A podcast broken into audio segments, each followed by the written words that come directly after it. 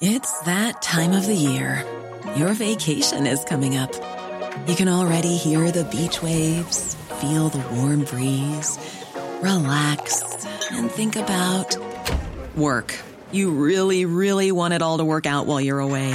Monday.com gives you and the team that peace of mind.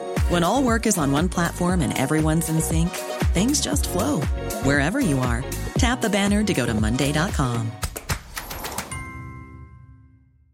Jewelry isn't a gift you give just once. It's a way to remind your loved one of a beautiful moment every time they see it. Blue Nile can help you find the gift that says how you feel and says it beautifully with expert guidance and a wide assortment of jewelry of the highest quality at the best price. Go to BlueNile.com and experience the convenience of shopping Blue Nile, the original online jeweler since 1999. That's BlueNile.com to find the perfect jewelry gift for any occasion. BlueNile.com.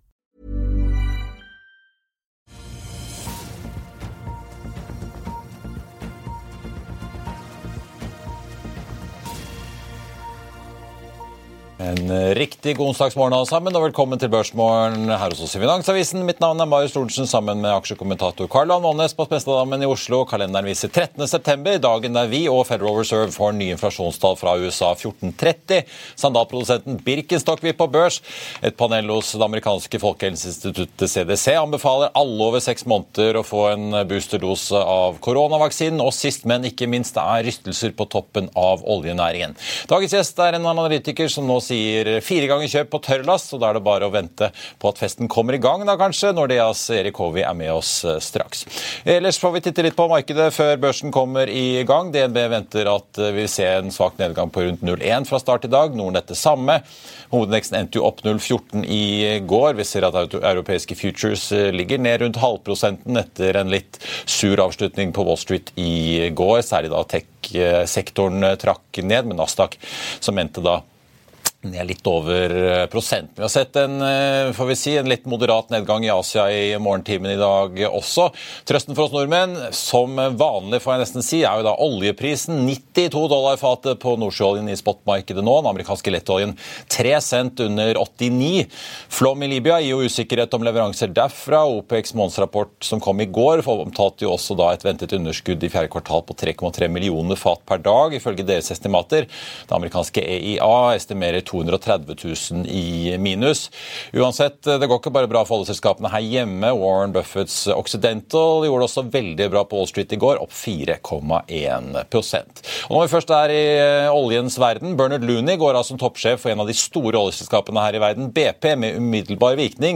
Finansdirektøren tar over jobben inntil videre. I en melding i går kveld så skriver BP at eh, styret fra mai i fjor og frem til nå har mottatt anklager om Looneys personlige forhold til kollegaer i selskapet, som det kalles, og at dette ble avklart, helt frem til det nylig ble kjent at han ikke hadde vært helt sitat, transparent med styret i undersøkelsene. Styret har ennå ikke avgjort om dette påvirker godtgjørelsen til Uni eller ikke, men sluttet slutte skal han i hvert fall gjøre på dagen, og selskapet skriver at de vil komme tilbake med mer informasjon når det er klart. Vi får jo ta med da at Luni tok jo over etter Bob Dudley i februar 2020. Dudley var jo mannen som ledet BP opp på bena igjen etter Deepwater Horizon-katastrofen, og som også var BP-sjefen som signerte avtalen med Kjell Inge Røkke om å danne Aker BP. Luni har på sin side håndtert BPs eierskap eh, i Rosneft da etter Ukraina-invasjonen og det store milliardtappet de tok der. Han har også ledet BPs store plan om å omstille seg mot fornybar energi, en plan som han og BP senere har gått delvis tilbake på. En annen jobbnyhet det er verdt å merke seg for eh, mange toppsjefer som eh, har lyst til å kjøpe opp andre selskaper, det er kanskje at Margrethe Vestager, den norske EU-kommissæren for konkurransesaker, som både har gitt telekomselskaper i Europa og amerikanske tech-giganter eh, mye å tenke på opp gjennom årene, nå har trådt til side inntil videre, fordi det har blitt kjent at hun også ønsker å bli leder for Den europeiske investeringsbanken. Det melder Bloomberg. Og Så nevnte jeg jo også Birkenstock, da. Sandalprodusenten fra Tyskland ønsker å bli får vi si, den andre europeiske aktøren som sikter seg mot børs i USA denne høsten, i tillegg til britiske ARM. Det tyske selskapet kan ifølge Bloomberg bli verdsatt til 8 milliarder dollar, noe som er nesten dobbelt så mye som prisingen var da Louis Vuitton-eier Bernard Arnault sitt private investeringsselskap gikk inn på eiersiden for to år siden, ifølge nyhetsbyrået. Interessant eh, nok, Karl Johan, så er det jo Goldman Sachs som er eh, blant eh, meglerhusene som er med på å få Birkenstock på børs. De har jo også fingeren med i spillet på ARM, som skal på børs nå på Nasdaq? Ja, Nei, de, de er aktive. De liker å være med på store dealer. God morgen, jeg på å si. Jeg tenkte Vi må snakke litt uh, tech også. Oracle, mye ja. ned i går. Du satt også fulgte med på hva Salesforce hadde å si, og har skrevet om Tesla i avisen ja. i dag. Ja. Nei, Oracle det var jo, den, den vi jo allerede i går, at det var oppkjøp av et medical software-selskap, og at det førte til litt uh, tregere inngang av inntekter i, framover. da. Men, men det, det, er fortsatt uh, god aktivitet rundt kunstig intelligens. og Organisasjoner som ønsker å rasjonalisere, kan jo bruke kunstig intelligens. Det er jo det beste verktøyet du kan ta inn. og kan jo eh, gjøre store endringer i masse organisasjoner hvis du ønsker å frigjøre arbeidskraft. Du har skrevet om Teslas uh, supercomputer, verdsatt til 500 milliarder dollar i avisen ja, i dag. Det er jo en veldig merkelig sak. Vi kommer til å le av dette her om noen år. fordi uh, det, En supercomputer i utgangspunktet koster jo uh, kanskje en milliard dollar. Da, men disse supercomputerne her da, som, som Tesla har utvikla med egne chips, og, ja, de, de, registrerer jo det som som kjøringer med video. Eh, og det fungerer jo ikke så bra. Det fungerer jo ikke like bra som, eh, som konkurrentene da, med, med Cruise og Waymo som Google og, eh, og GM har. Da.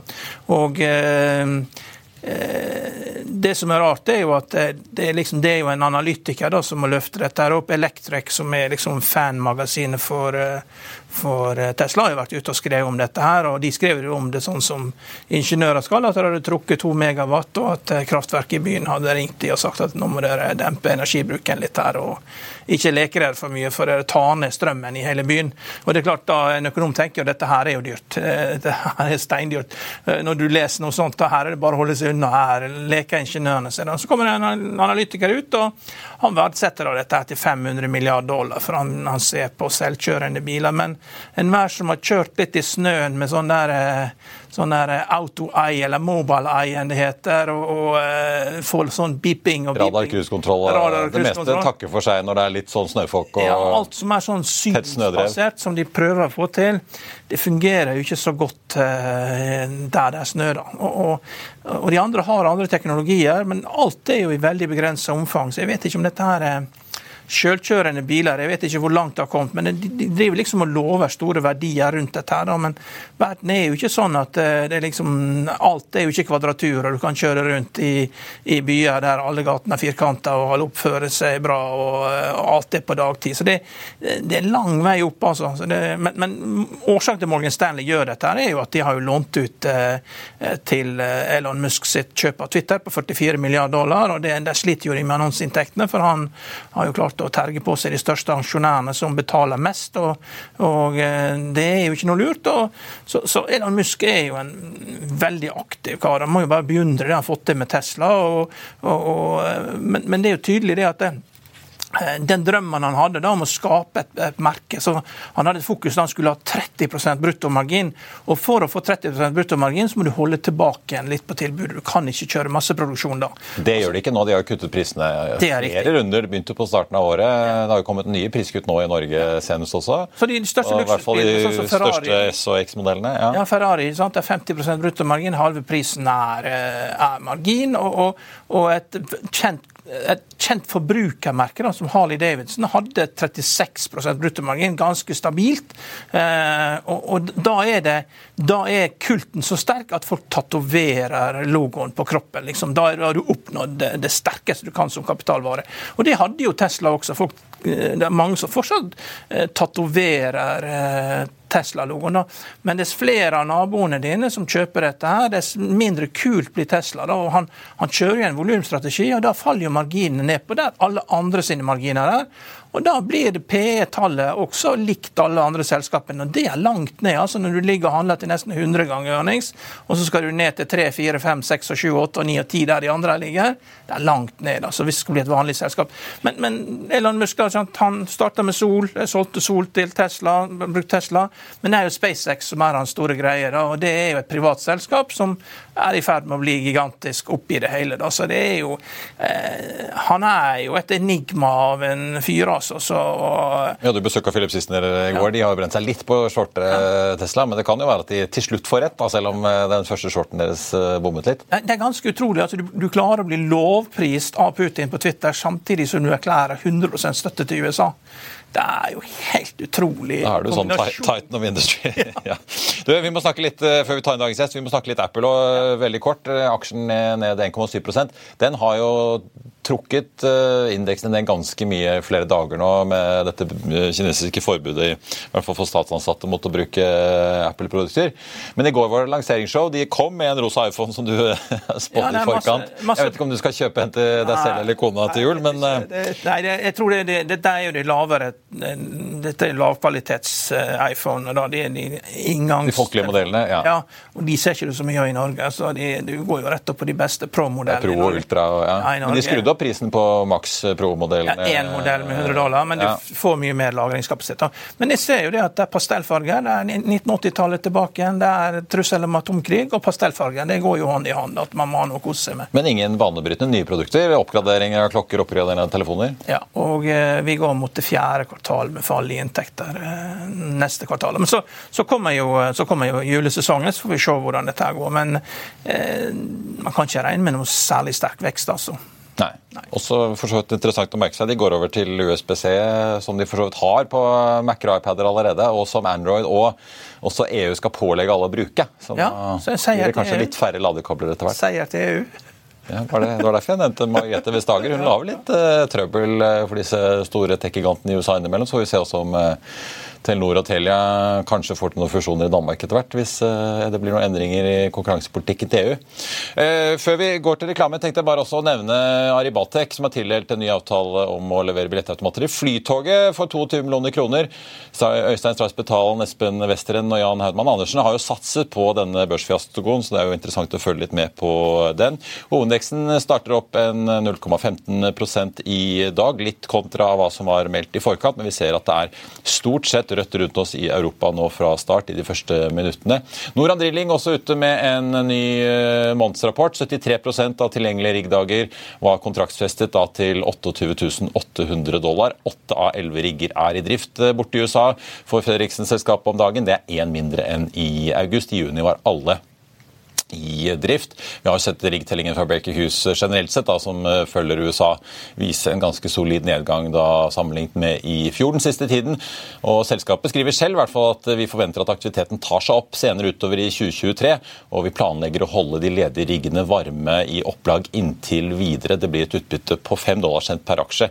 I juni var de oppe på 11, så vi har sett en eh, god nedgang der, altså, selv om det fortsatt er utbytter. Aksjen har falt fra en topp på 66 kroner ned ned til litt over 45 eh, nå. Så er produksjonen fra den eh, fjerde brønnen i Hibiscus eh, rutsjefase 1-utviklingen hos BV Energy og Panoro nå i gang.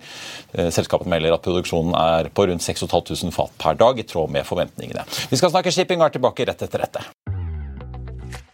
Vil du bli oppdatert på det viktigste som har skjedd innen finans og næringsliv? Da er det bare å følge med, for hver morgen er jeg, Marius Lorentzen og aksjekommentator Karl Johan Malnes på plass i studio for å ta tempen på dagens marked i Børsmorgen. Og hver ettermiddag oppsummerer vi alt du trenger å vite i økonominyhetene, og det blir selvfølgelig masse interessante gjester. Klikk deg inn på fa.no-tv, eller søk opp Børsmorgen og Økonominyhetene der du hører på podkast. I'll see you in court. Vi sier det ofte litt på spøk, men for deg som driver business, er det aldri moro å innse at du ikke har laget en 100% gyldig kontrakt. Du bør ikke risikere hele firmaet ditt fordi du synes dette med kontrakter er litt stress. En avtale er ikke en avtale. Du kan miste kunder, miste venner, ja, til og med miste inntekter om du ikke lager en skikkelig kontrakt, på alt mulig, egentlig. Men vi vet det er et styr. Kopimaskiner, tregprinter og haugevis av papir. Dessuten stoler vi jo på folk her i landet. Det er ofte litt kleint å skulle be om en signatur for alt mulig, ja, for mye av styret handler også om jakten på underskriften. Det finnes en enkel måte å løse dette på, Dukkobit, en trygg, effektiv og get this, gratis måte å sikre seg en god natts søvn pluss en juridisk bindende avtale. Dukkobit-appen har de strengeste sikkerhetskrav i bunn, samt en EU-godkjent og sertifisert teknologi. Framover vil det bli behagelig å spørre du, skal vi skrive under på det, eller? Kom i gang på dokobit.no.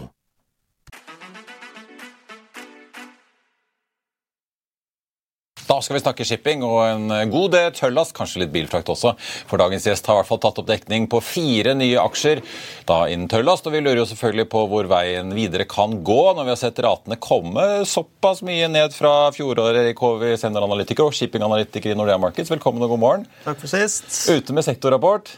Definitivt. Så... Bellships, 2020 Bulkers, Himalaya og Golden Ocean. Alle, alle, alle, fire, holdt jeg på å si. Og kjøp alle sammen. Kjøp alle sammen. Eh, så ser jo definitivt at det er oppside i markedet. Vi har jo hatt et Kall det litt sånn balansert marked på tørrbulk, litt lave rater deler av året. Eh, og så har man jo de headline-newsene på makro og Kina spesielt som ikke har vært veldig attraktivt mye store deler av året. Men sånn som man ser på prisingen nå, og hvordan faktisk importtall spesielt inn i Kina har vært for, eh, for spacet, og med tanke på ekstremt lave ordrebøker, det er de laveste man har sett på nesten 20 år, så er prisingen og fundamentale utsiktene så gode at uh, jeg tror at vi kommer til å få en oppside på det her. Uh, kanskje litt mer balansert ut, ut, året her, men definitivt en strammende marked inn i 24 og 25. Ja, for før vi snakker om liksom enkeltselskapene her, Kina har jo vært den store jokeren.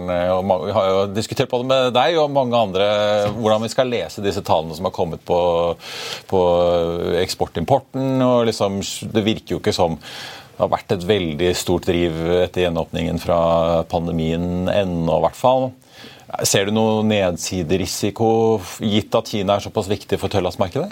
Altså, Tøllas jo, har jo vært eh, eh, veldig lenge og kommer til å fortsatt være et, et, et spill på Kina-dynamikk, selvfølgelig. Så, så, det har jo noe, noe, å si. Man har jo sett at det er svak innenlands eh, Eh, innenlandskonsumvekst eh, bl.a. Eh, men på importsiden av råvarer så har du faktisk sett en liten vekst på, på spesielt jernmalm, bauxitt, som er store drivere for tøllastspacet. Så du har egentlig sånn tonnmilmessige effektene da, som, som, det som driver raten i tørrlastmarkedet, har egentlig sett, sett bedre utsikter på etterspørselssiden, men så har du hatt en del flåteeffektiviteter som har liksom dratt senket da, eller gjort flåten mer effektiv, sånn at du ikke har fått helt den rateutviklingen ennå.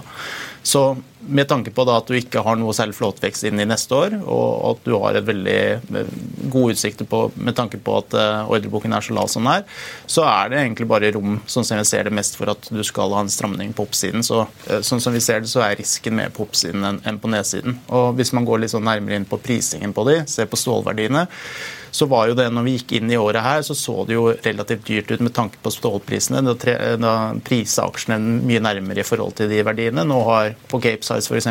den falt på tiåringen 10 år til dato. Så de ser mye mer attraktive ut i forhold til at det ikke er mer nedside på, på, på, på skipsprisene. Også Samtidig så er jo f.eks. Golden Ocean er, er jo prisa ekstremt billig nå, sånn som jeg ser det, på under, godt under 70% av Nav, da, av stålet som, som, tilsier at det er en ganske god oppside bare til sånn fundamentale, uh, fundamentale utsikter. Er, er, det Golden Ocean som er uh, den mest underpriset av disse her? Det vil jeg si. Det er jo den også som har sånn år til dato også performet dårligst. og Mye av grunnen til det er jo kanskje også for at det er den mest likvide, holdt jeg på å si. og det er enklere å holdt på å si prisene ned også når markedet ikke er så godt, men du har jo da den samme volatiliteten på oppsiden, så, så definitivt tror jeg at det er en veldig god kandidat. Ja. Shipping er jo en unik industri. at Du kan ha én beslutning, at Kina eh, vil boikotte Australia, og så går ratene til himmels fordi at man må hente jernmalm og kull fra Brasil. Fra Brasil ikke sant? Det ja, og, og, og, Det var jo det som skjedde, at plutselig så gikk ting til himmels, og det ble skapt milliardverdier i Oslo. Og Så så jeg nå for noen uker siden at Kina vil importere litt mer korn fra Australia. Hva er, hva er statusen på Kinas forhold til Australia nå på import av råvarer? Ja, det har jo vært et litt sånn vanskelig forhold de har hatt til det, spesielt på, på kull kull- og jernmalmsiden eh, til, til, Australia over, over, flere år. Eh, sånn ren effektmessig så er jo selvfølgelig det den korteste distansen for, som, som råvareprodusent for, for, Kina å ta inn store volum fra. Men nå har jo kornsesongen og soyasesongen også blitt litt forsinket ut av, eh, ut av USA og også Brasil, så vi jo egentlig ser jo at det egentlig er support på, på da, spesielt Panamax-ratene på, på, den traden, at det kommer mer fra, fra lengre distanser egentlig inn i nå i vintersesongen. Så det er egentlig mer et godt tegn. Eh, men alt annet like så er jo mer import fra Australia er jo tonnmil negativt da, for spacet. Men vi ser jo at EPS-estimatene har liksom falt med ja, 40% for Bellships de siste tolv månedene. Det er jo handysize mest, da, og 20% for Klaveness Combination Carrier. Så resultatene er mye lavere også for Golden Ocean i år enn i fjor. Og, det er jo et håp om at det skal bli bedre neste år. Men, men vi ser jo at Cape Size-raten er jo liksom så vidt over 10 000 dollar, og det tjener man ikke noe særlig penger på. Nei, den er vel rundt uh, si, si 11,5 som jeg ja. så for, for, gårsdagen. Da har den allerede beveget seg opp fra rundt 8000 vi så for ti okay. dager siden. Uh, og hvis du da legger på Eh, ekobåter, de nyeste båtene, legger på de som har den, den størrelsespremien eh, Newcastle Maxene, Og hvis de i tillegg har skrubbere, så kan du legge på 4000-5000 på toppen av den, de ratene. Og det er jo f.eks. på Golden Ocean så er jo mesteparten av flåten eko, som bruker mindre fuel, får en implisitt bedre rate, og i tillegg med skrubbere. Så, så, de er jo definitivt over den cash break-even altså cash break-even de har, kostbasen sin, som gjør at de fortsatt tjener penger i det markedet her. Og nå går vi jo inn i en, en, i en vintersesong hvor ratene sånn, historisk viser seg, eller sesongmessig også styrker seg. Det er mer, mer volum som kommer fra Brasil på jernmalmen, men vi snakket allerede om korn. Eh, som er med på å dra det stramme markedet inn i vinteren. Så da så tror vi at det kan være en form for litt bedre reprising på, på, aksjene. Ja, for Er det noen av disse fire som sliter med å tjene inn løpende driftskost på ja, dagens nivåer? Eh, ja, nå kommer jo Himalaya Shipping med en commercial update, eller de kommer jo med månedlige oppdateringer, det samme som 2020 Bulkers gjør. Eh, og da hadde vi vel en snittrate for de da. De har jo en flåte som er halvveis levert på tolv skip med LNG. Flunka nytt, ja. Flunka nytt, eh, LNG, dual fuel-skip, så de kan også gå på LNG i stedet for vanlig konvensjonell eh, marin diesel. Hvor mye tjener de på det? Og akkurat nå, den viste var vel 18 000, eh, rundt 18 000 dollar per dagen. Så det er faktisk litt under det den sånn impliserte cash break-even de har på rundt 20 for den flåten. Okay. Så ja. det er jo mye pga. av den finansielle lånegraden de har på skipene også, som bidrar med at den går en del opp. Ja, ja, for Det er jo liksom det interessante både 2020 Bulkers og Himalaya. for de som ikke er så inne, Det er jo Tor Olav Trøims liksom to konstruksjoner. Ja. Himalaya og den nyeste av de. Ja. Men uh, de er ganske giret. da, sånn at uh, Hvis det går bra, så går det veldig bra. Men uh, hvis det ikke, ikke er, så sitter de med store renteutgifter som ja, de må så, dekke. Så, så, de må dekke inn litt mer renteutgifter selvfølgelig da, enn de andre. De andre har jo vært på, på børs lenger og fikk jo med seg også den oppturen vi så i 2021. Så de fleste av de har jo tatt ned gjeldsgraden sin betydelig. Så vi har jo veldig gode cash break-evens egentlig på, på tvers av de da, bortsett fra MLI som er relativt nye. Før, før, så hadde Bellships et veldig nært samarbeid med Western Bulk. Eh, og Nå er det et eget separat selskap. Er det fortsatt nært samarbeid mellom de to organisasjonene? Nei, altså Western Bulk, eh, nå dekker jeg ikke det, men de driver jo med, med sånn chartering, altså Asset Light-operasjon. Og så har jo da Bellships sin egen, uh, egen charteringdesk som gjør det samme, Lighthouse Navigation. Så det vil jeg vel heller si er mer mer en konkurrent uh, til, til, det. Så det, de har jo et EBITDA-bidrag fra Lighthouse Navigation, som bare driver og chartrer inn og chartre ut skip uten å eie de, for å ta en margin på når de ser markedsbevegelser, som, som er positivt for de da. Men, men Western Bulk er jo et uh, charteringsselskap, da, og de har jo veldig fått en god ledelse nå, med Hans Åsnes som uh, konsernsjef. Kan du lese noe ut av det de gjør i markedet, for å se hvordan markedet går? Er, for, for, alle de som driver med chartering, og da spesielt kanskje også for Lighthouse Navigation i Bellship, så er det jo at de bruker den markedsinnsikten de har til Du spiller jo gjerne på at du har høye rater, og på volatilitet i ratene for å ta chartre inn et skip billig, og så knytte ut det litt høyere, og så ta en margin på det uten å måtte knytte masse kapital inn i å eie skipene, så du kan gå både long og liksom implicit short. Det, det, er mye vanskeligere når du eier skip også i tillegg. Ja, så Bulk eier vel ingen skip, gjør de det? Nei, det, det er jo en chartering, ja. og, og, og, du har det samme i ja. Bellships. Så, så det, er, det, sier jo litt om hva slags type innsikt de har i spesifikke trades og markeder, mer enn at du kan trekke en sånn stor slutning uten åpenbart at høyere rater ofte gjør det mye enklere for en charteringdesk å tjene gode penger. Til disse to Trøim-selskapene og 2020 Bulker, som jo påpeker i rapporten din, der går vel alt av ekstra cash rett ut igjen yes. til utbytter. Betyr det at de har en ganske komfortabel eh, gjeldssituasjon? og er litt mer robuste, da? Definitivt. Så, så, de tåler det her markedet mye bedre. Eh, og de har jo tatt ned gjeldsgraden sin betydelig. Den er jo under 50% der også. Så, så de tjener jo penger holdt jeg på å si, mer eller mindre på de ratene her også, som vi ser nå. Det kan, det kan bare bli så, bedre. Så, og der har du jo den helt nye flåte, ikke noe Capex, eller relativt ny flåte der, ikke noe Capex, og den er jo steady as she goes og betaler ut utbytte. Eh, kan man, kan man, si. Så er det På Himalaya så er det jo fortsatt seks, seks skip som skal leveres ut. Og ja, ikke sant, for De har fått seks, får seks til. Hva, hvordan ser du på risikoen der?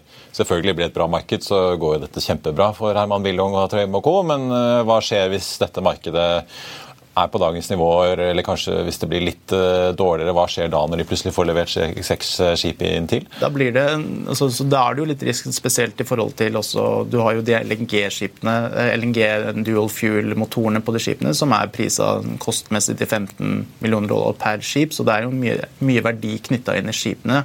Så bevegelser kanskje spesielt til skipsprisene vil jo ha en ganske stor effekt på, på naven, eller net asset valuen til, til de, så de har jo litt litt mer risk i forhold til det, også, da, også implisitt på, på, markedet. Men vi ser jo mer villighet for aktører som, eh, som også, nå med de høye oljeprisene, at det er eh, fordelaktig å kunne switche over til eh, til, til gass propulsion, egentlig. Så, så, utsiktene der ser egentlig OK ut, men selvfølgelig det er jo mer giring i selskapet, så du har mer risk i forhold til det, både på oppsiden og nedsiden. Og det er Bellship og Golden Ocean som er, er de som har eh, lettest balanse om dagen, eller ja, altså, hvis du går til andre enden av skalaen? Ja, så, så da, de har jo de, altså da også bedre cash break-even, så da, Golden Ocean er vel 13 13500 dollar dagen for, for, å, for, å, gå i null. Bellships er vel det rundt 11. Så, så de lever jo veldig godt i det markedet her pga. det. Klaveness Combination Carriers er en veldig populær aksje. Vi ser at EPS-estimatene har gått ned med 20% der også, men likevel så er det liksom P på rundt fire. Så betyr det at eh, det går, vil gå mye dårligere enn man tror der? Er det, Diskonteres det, eller, eller gjør de det bedre pga. kombinasjonsskip? Eh, får de noe nytte av det? Ja, nå, nå, vi, vi, vi, dekker Klaveness Combination Carriers på, på kredittsiden, men ikke på, på aksjesiden. Men, så de har jo som du sier, kombinasjonsskip. Ja. Eh, så, så, de er jo også eksponert til produkttankmarkedet, ja. som man har mye bedre utsikter til. og som man ser veldig stramt marked på egentlig inn i vinteren, så det er jo med å dra den. Så har du mindre Når du klarer å da være i begge markedene samtidig, så har du jo sannsynligvis også mindre risiko på nedsiden enn mer volatilt i forhold til å være kun eksponert i ett marked.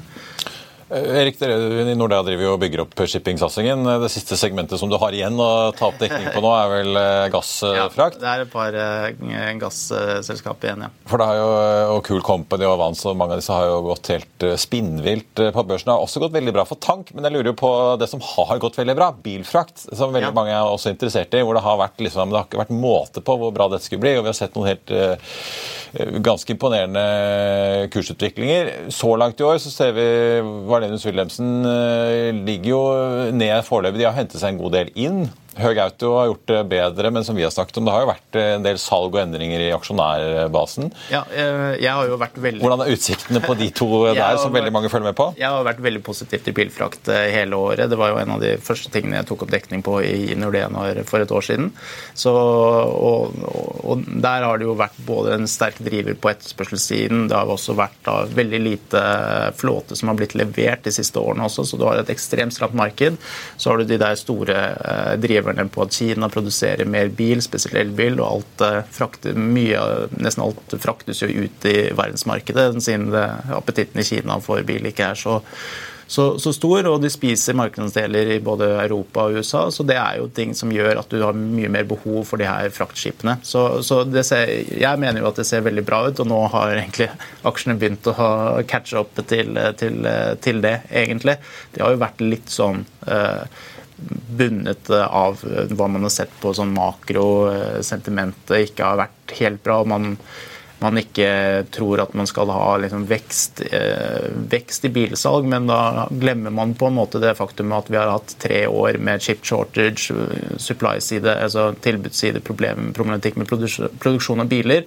Så vi er jo fortsatt i et si, normalt økende marked når det gjelder produksjon og salg av biler globalt, og det ser ut til å fortsette inn i 2024. Så, så de eneste negative utsiktene jeg kan, kan, se, er jo når det kommer Det er jo en ordrebok på 30% litt over 32% av flåten.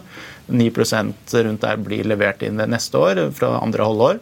Så er det spørsmålet hvor mye klarer man å absorbere av det markedet før, før raten eventuelt tar seg et knekk. Men eh, spesielt på høy Outliners med den siste eh, kvartalsrapporten deres, så kom de jo og forklarte, ga mer innsyn i hva kontraktene de har fremover.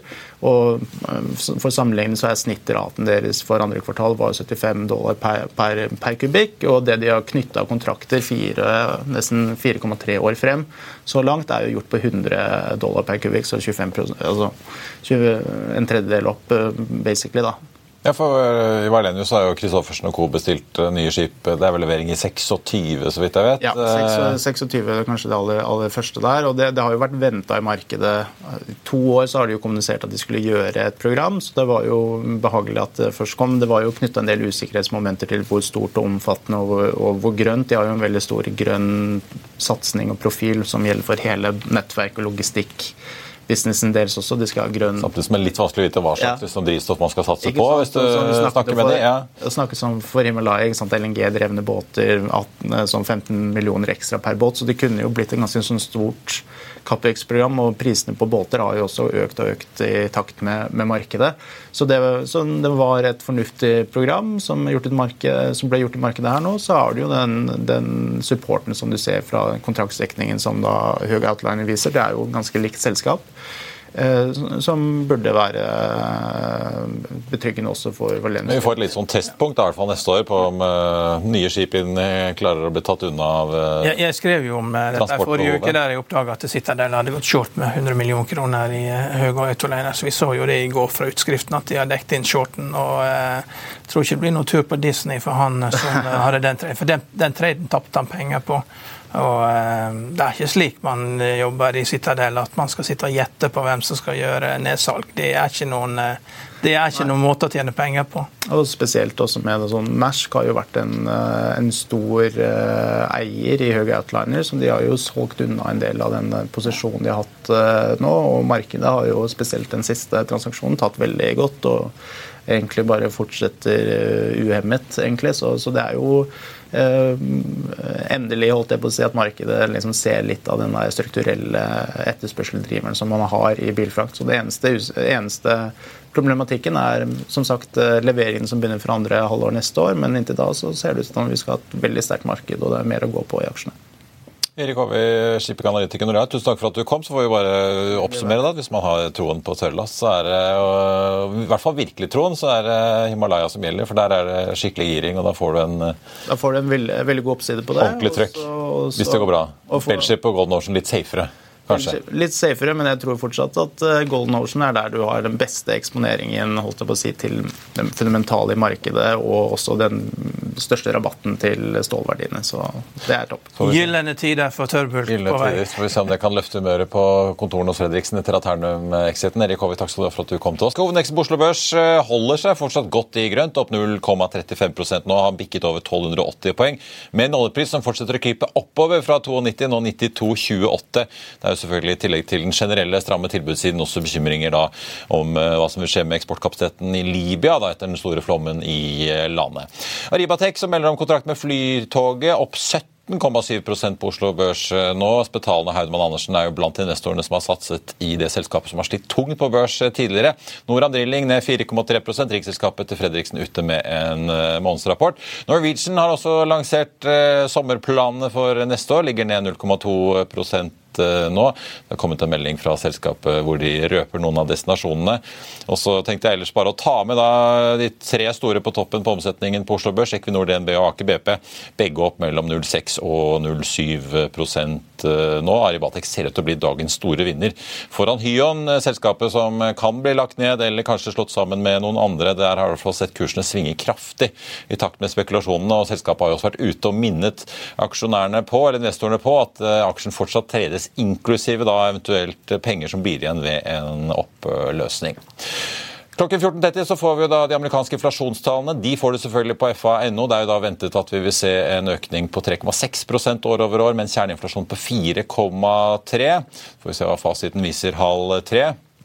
Barclays tar oppjusterer kursmålet på Skipsted fra 260 til 270. Gjentar kjøpsanbefalingen. Aksjen endte jo i går på 216. Og så er det jo Stolt-Nielsen, da, som vi snakket om med Philip Sissener tidligere i uken. De landet jo da dette obligasjonslånet de var ute for å hente. Det seniorusikrede lånet på 1,2 milliarder kroner med forfall i 28 endte da med en Nibor pluss 3,15. Det gir jo da en rente på rundt regnet da 7,90 Eh, med dagens Nibor-nivåer. Betydelig overtegning for øvrig meldte selskapet. Det var børsmålen for denne onsdag 13.9. Husk å få med deg økonominyhetene klokken 14.30. I mellomtiden så får du selvfølgelig siste nytt på FA gjennom hele dagen. Ha en riktig god onsdag alle sammen. Vi ses.